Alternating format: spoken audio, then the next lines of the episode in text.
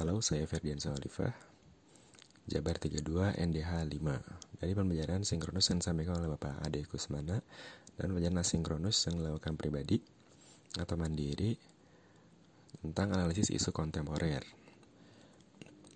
di sini peserta di, uh, diharapkan dapat mengetahui konsepsi perubahan dan perubahan lingkungan strategis melalui isu-isu strategis kontemporer sebagai wawasan strategis PNS dengan menyadari pentingnya modal insani dengan menunjukkan kemampuan berpikir kritis dalam menghadapi perubahan lingkungan strategis dalam menjalankan tugas jawabannya sebagai PNS profesional pelayan masyarakat. Oke, perubahan lingkungan strategis ada satu hal yang pasti dan tidak bisa dihindari.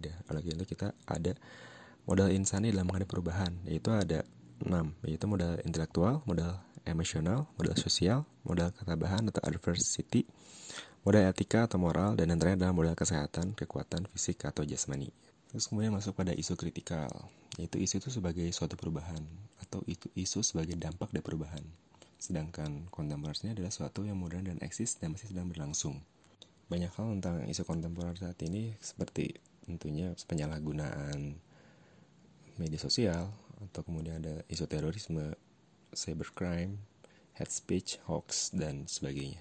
Nah, dari isu-isu tersebut penting untuk kita dianalisis. Karena untuk menghadapi lingkungan strategis akan memberikan pengaruh besar pada keberlangsungan penyelenggaraan pemerintahan sehingga dibutuhkan kemampuan berpikir kritis, analitis, dan objektif terhadap satu persoalan. Ada lima hal yang dapat menjadi sumber untuk mendeteksi isu. Pertama, media scanning, existing data, knowledgeable others, public and private organization, dan public at large. Kalau kemampuan, kemampuan dalam memahami isu, pertama ada environmental scanning, yaitu sikap peduli terhadap terhadap isu atau masalah dalam organisasi dan sekaligus bentuk kemampuan memetakan hubungan kausalitas terjadi. Kemudian problem solving, yaitu kemampuan untuk mengembangkan memilih alternatif pemecahan masalah dan kemampuan memetakan aktor terkait dan peran masing-masing dalam menyelesaikan isu atau masalah. Yang terakhir adalah analisisnya, yaitu kemampuan untuk berpikir konseptual, yaitu kemampuan untuk meningkatkan substansi dari masalah tersebut. Teknik untuk analisis isu ada teknik tapisan isu itu APKL dan USG.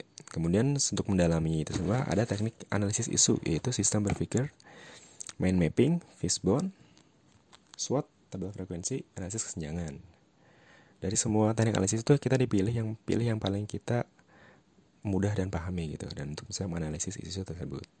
Demikian saya Ferdi, terima kasih.